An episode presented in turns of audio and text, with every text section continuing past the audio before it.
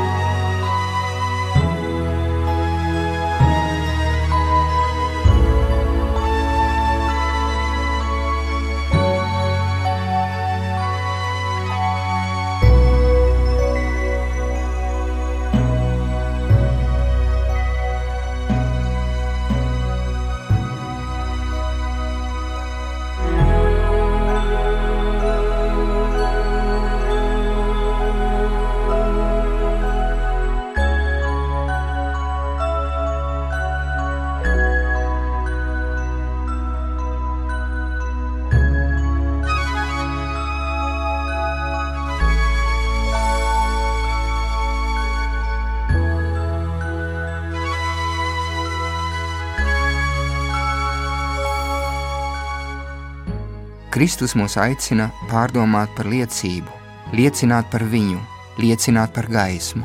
Jānis Kristītājs bija teicis: Es esmu nācis, lai liecinātu par Kristu, kas ir gaisma, es esmu nācis, lai viņam sagatavotu ceļu. Viņš bija liecinieks, kā tik daudz to liecinieku ir bijuši kristietības vēsturē. Liecība un moceklība no kristietības sākumiem ir cieši saistīti. Tik saistīti, ka vārds liecība, martīrion grieķiski nozīmē mirt kā moceklis. Kristus ir skaidri teicis, kāds liktenis sagaida viņa sakotājus. Jāņa evaņģēlijā 15. nodaļā varam lasīt, ja pasaule jūs ienīst, ziniet, ka tā pirms jums man ienīda. Ja jūs būtu no pasaules, pasaule savējos mīlētu, bet tā kā jūs nesat no pasaules, bet es jūs no pasaules izredzēju, tad pasaule jūs ienīst. Atcerieties manus vārdus, ko es jums teicu. Kalps nav lielāks par savu kungu. Ja viņi mani vajāja, tie vajās arī jūs.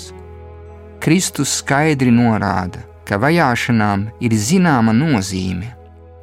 Svētīgi taisnības dēļ vajātiem, jo tiem pieder debesu valstība, saka Kristus kalnu mācībā.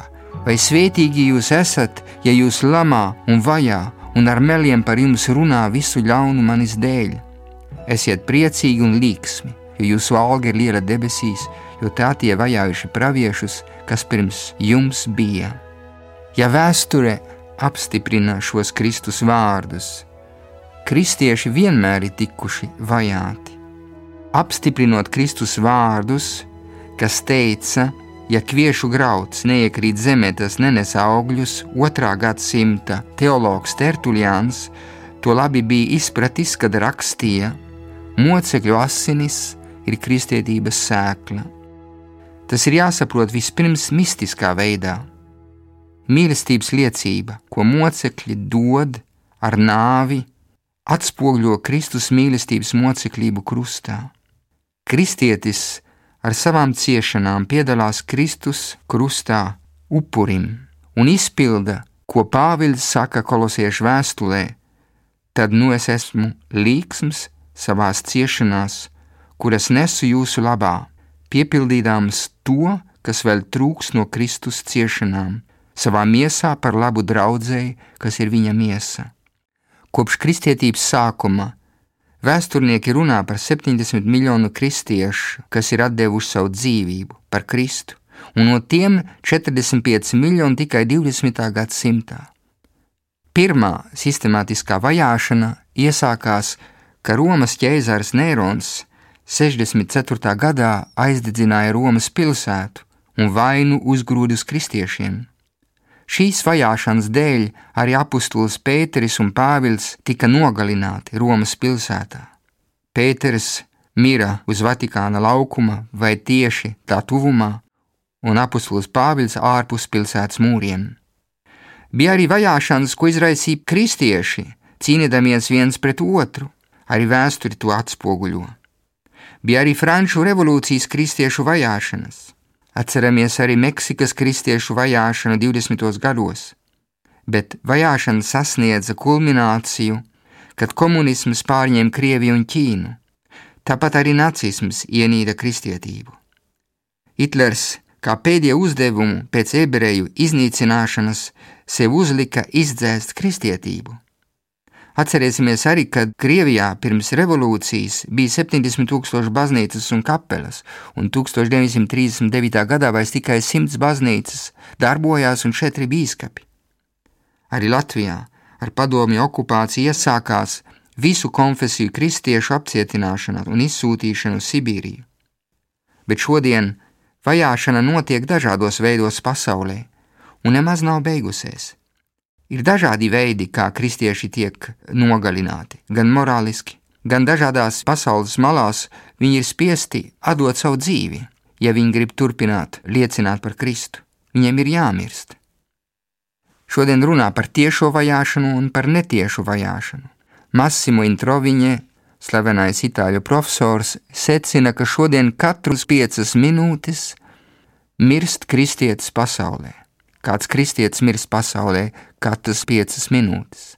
Franču filozofs Bernārs Henri Levī rakstīja 2010. gadā, ka šodien kristieši vispasaules līmenī veido kopienu, kas pastāvīgi, varmācīgi un nesodami tiek vajāta.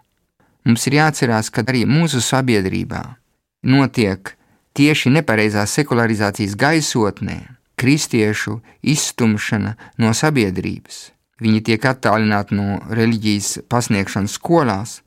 Reliģija tiek uzskatīta kā tikai piederoša privātai sfērai, un tiek aizmirsta saikne starp valsts kultūru un vēsturisko reliģiju, radot garīgo vērtību tukšumu sabiedrības līmenī, kas dziļi ietekmē ētisko izpratni cilvēkos, un īpaši jaunās paudzēs, kurām ir grūti integrēt, ja nav tradīcija, ētiskās vērtības. Jo vērtību izpratne un tālāk nodošana, audzināšana nevar notikt bez tradīcijas un kopienas izpratni par labo un ļauno, kā to pasvītro slavenais filozofs Makintairs. Mēģinot veidot vērtību skalu neitrālā veidā, it kā izslēdzot ticības gaismu, tas noved pie garīgiem analfabētiem, kuriem vairs nav skaidru pieturu punkti, un ar kuriem var manipulēt tieši ar masu mēdīju palīdzību vai sociāliem tīkliem, jebkura politiskā sistēma vai ekonomiskā sistēma. Mūsdienu kontekstā esam aicināti liecināt par vērtībām, kurām galu galā pamatā ir paša cilvēka cieņas respektēšana. Neaizmirsīsim, ka cieņas izpratni palīdz īpaši atklāt kristietību ar savu mācību par cilvēka radīšanu pēc dieva attēlu un līdzības, Dievs ir piešķīris katram cilvēkam no bērnu ieņemšanas līdz mūža beigām neizmērojamu cildenību un skaistumu, ko ir jārespektē. Un tieši tādā kontekstā kristietis ir aicināts kļūt par gaismu jo kristietis ir spējīgs redzēt katrā cilvēkā šo vērtību Kristus gaismā, Dieva gaismā. Kristietim ir īpaša misija pasaulē. Viņam ir jāatgādina, ka Dievs ir tā mīlējis pasauli, kad Viņš ir devis katram cilvēkam neizmērojamu vērtību Dieva mīlestības skatījumā. Pat ja tas cilvēks to nezina, pat ja viņš apkaro Dievu, pat ja viņš ir grēcinieks, Dievs viņu turpina mīlēt. Un tieši tāpēc kristietis ir aicināts kļūt par gaismu, par ceļa rādītāju pasaulē, kur bieži pietrūkst pieturas punkti, lai atklātu tieši cilvēku vērtību. Un šī liecība nevienmēr notiks bez upuriem. Nevienmēr pasaule sapratīs šo mīlestības liecību. Vēsture mums to parāda arī šodien. Pieredze mums parāda, ka nevienmēr mēs tiekam izprasti kā kristieši, un nevienmēr uzskatīti kā derīgi sabiedrībai. Tieši otrādi parādījusies tendence sekularizētā pasaulē, ka tiekam uzskatīti kā apgrūtinoši, kā tie, kas neļauj cilvēkam dzīvot brīvi, jo mēs runājam par brīvību, kas ir saistīta ar mīlestības vērtību. Tieši šajā kontekstā, mūsdienas kontekstā, Mums nav jābaidās, kā Kristus mūs aicina šodien. Mums nav jābaidās peldēt pret straumi. Kristietis ir aicināts kļūt par gaismu, par šo ceļa radītāju, ar savu piemēru, ar savu dzīvi, kas ir pārveidota dzīve. Dzīve ir visspēcīgākais dieva vārds, kas uzrunā cilvēku, kas meklē patiesību. Un mocekļi pagātnē un arī šodien ir pārliecinājuši sabiedrību ar to, ka viņi ne tikai runāja, bet drīzāk viņi dzīvoja to, ko viņi sprediķoja. Viens no veidiem, kā mēs vislabāk varam liecināt par Kristu, ir evaņģēlīja prieks, kas pārņem cilvēku sirdi, kurš sevi atdod Kristum. Tas ir spēcīgs veids, kā sludināt Kristus patiesību. Šodien liecināt par cilvēku absolūto vērtību ir arī veids, kā mēs varam liecināt par Kristu. Ja mēs iestājamies par mūsu tuvāko, par katru cilvēku, kas cieš, kas tiek pazemots, par katru nabagu, ja mēs neaizmirstam sociālo dimensiju, kas ir ierakstīta pašā evaņģēlijā, tādā veidā mēs padarām kristietību kā pasaules sāli, kas pārveido šo pasauli un parādām, ka kristietība ir absolūti nepieciešama, lai sabiedrība varētu attīstīties humanā veidā. Mīlēt katru cilvēku un arī savu ienaidnieku var pieprasīt daudzus upurus mūsdienu pasaulē, un pastāv kārdinājums stāvēt vienkārši malā. Bet Kristus mūs māca, ka mēs nedrīkstam stāvēt malā, ka mums ir jāiet pasaulē, ka mums ir jāliecina, Tā darīja Jānis Kristītājs, tā darīja kristieši, kas kristietības sākumā sludināja ar dzīves piemēru, ar prieku, ar mīlestības liecību. Uzticēties kungam ir fundaments kristiešu mieram. Arī šodien, kādreiz mums liekas, ka ļaunums uzvar pasaulē un ņem virsroku, tieši tādā kontekstā esam aicināti ticēt, ka pēdējais vārds pieder Dievam, kas ir vēstures kungs. Ideoloģijas ir pārējošas, totalitarismi sabrūk, kā to liecina vēsture. Arī šodien liekas kādreiz, ka ir pienācis pasaules gals, un daži izmanto apakaliptisku noskaņojumu un privātas atklāsmes, lai iebaidītu ticīgos. Un tā arī, tāpat kā jau apstuļu Pāvila laikos, daži gaidīja pasaules beigas un neko negribēja darīt, tā esam aicināti ieklausīties apstuļu Pāvila vārdos, kas brīdināja kristiešus nestāvēt malā, bet strādāt un pārveidot mūsu pasauli, un negaidīt pasīvi, ka tā izbeigsies. Kungs mūs nav atstājis pagātnē, viņš mūs nav atstājis šodien, viņš mūs arī neatstās nākotnē. Šī ir mūsu pārliecība, tā ir ticības pārliecība, kas mums dod mieru. Viņš mums ir apsolījis svēto garu. Viņš ir teicis, ka viņš mūs neatstās kā bāriņus, vienus. Viņš mums ir apsolījis tātad svēto garu, kas pārveido mūsu iekšējo dzīvi. Viņš, svētais gars, pārveido mūsu veidu, kā mīlēt. Mums, kuriem ir grūti piedot, mums, kuriem bieži vien nogurums uznāk, Svētais gars, kas ir mīlestības gars, kas ir ieliec mūsu sirdīs caur kristības sakramentu, caur iestiprināšanas sakramentu, caur eharistiju, caur lūkšanu, jā, svētais gars ir tas, kas stiprina iekšējo cilvēku un dod mums spēku kļūt par dieva rokām šīs dienas pasaulē, kā to svētā Terēza no Kalkutas atgādināja. Mēs esam Kristus rokas šajā pasaulē, un tieši tāpēc kristietis aicināts kļūt par zemes sāli. Vai esam pārliecināti, ka varam izmainīt pasauli, ka mēs varam arī izmainīt Latviju, kad nevajag vienmēr vaimanāt, it kā viss būtu pazaudēts.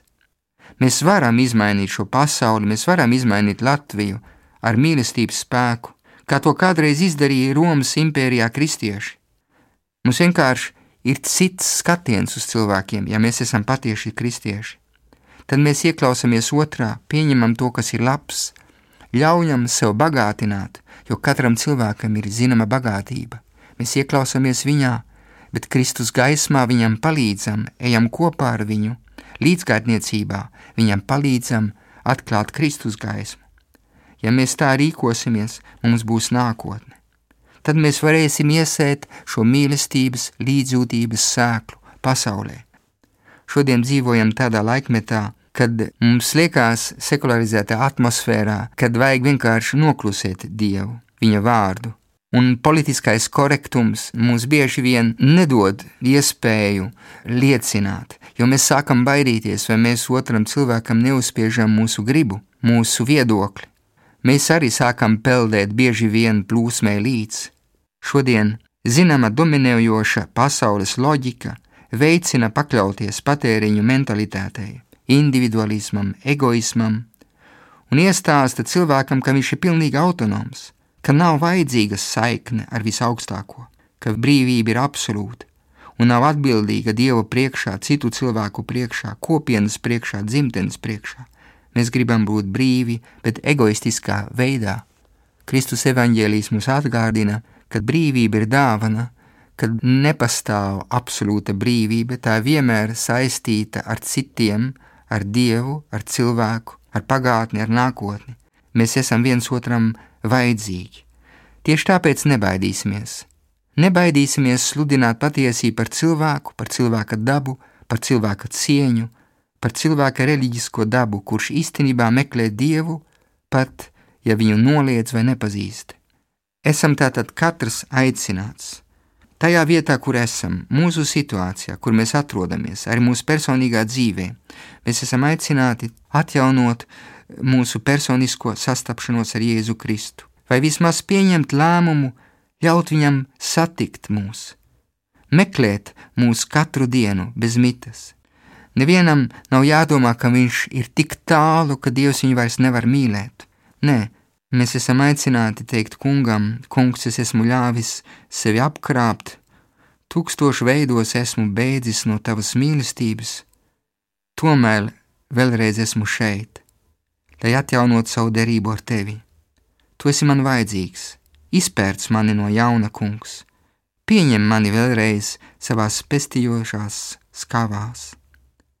Kristietība ir tātad līdzjūtības reliģija, kas palīdz cilvēkam atklāt, ka Dievs nav nācis pasaulē, lai notiesātu pasaulē, bet lai to atpestītu. Dievs parāda mums ceļu tieši caur šo evaņģēlī, ko mēs dzirdējam, nebaidīties, sekot viņam, pat ja tas pieprasīs no mums mirt krustā. Zināmā mērā mēs jau mirstam katru dienu, tad, kad mēs mirstam mūsu egoismam, tad, kad mēs liecinām par dzīvību, tad, kad mēs pasakām nē ļaunumam, tad, kad mēs izvēlamies gaismu, tad, kad mēs esam pozitīvi, tad, kad mēs dodam cerību citiem cilvēkiem, ja tajā brīdī mēs jau sekojam Kristum, un tas pieprasa no mums atteikties no pesimisma, pieprasa arī no mums atteikties no pašpilnības, tas pieprasa no mums atvērt rokas un lūgt kunga palīdzību.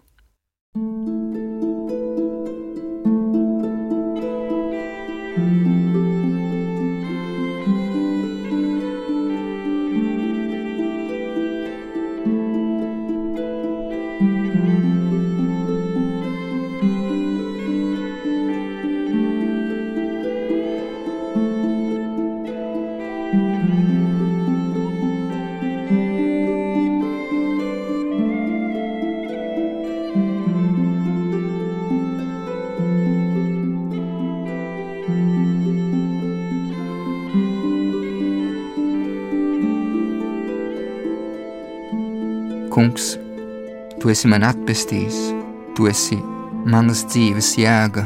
Bez Tevis es nespēju liecināt. Bez Tevis, Kungs, es esmu tikai ar savu tukšumu, ar savām vājībām, ar savām neveiksmēm. Kungs, dod man spēku, dod man Tavu žēlastību, pateikt jā katru dienu. Dod man spēku liecināt, aizmirst sevi, redzēt katrā cilvēkā Tavus vaipstus kas gaida, ka kāds viņu mīlētu. Dod man, kungs, to apziņu, kad es esmu tavas rokas, kad caur manīm tu runā, kad manas rokas var noglāstīt tavā vārdā to cilvēku, kas cieš, kas ir vientuļš, kas man prasa palīdzību. Āmen!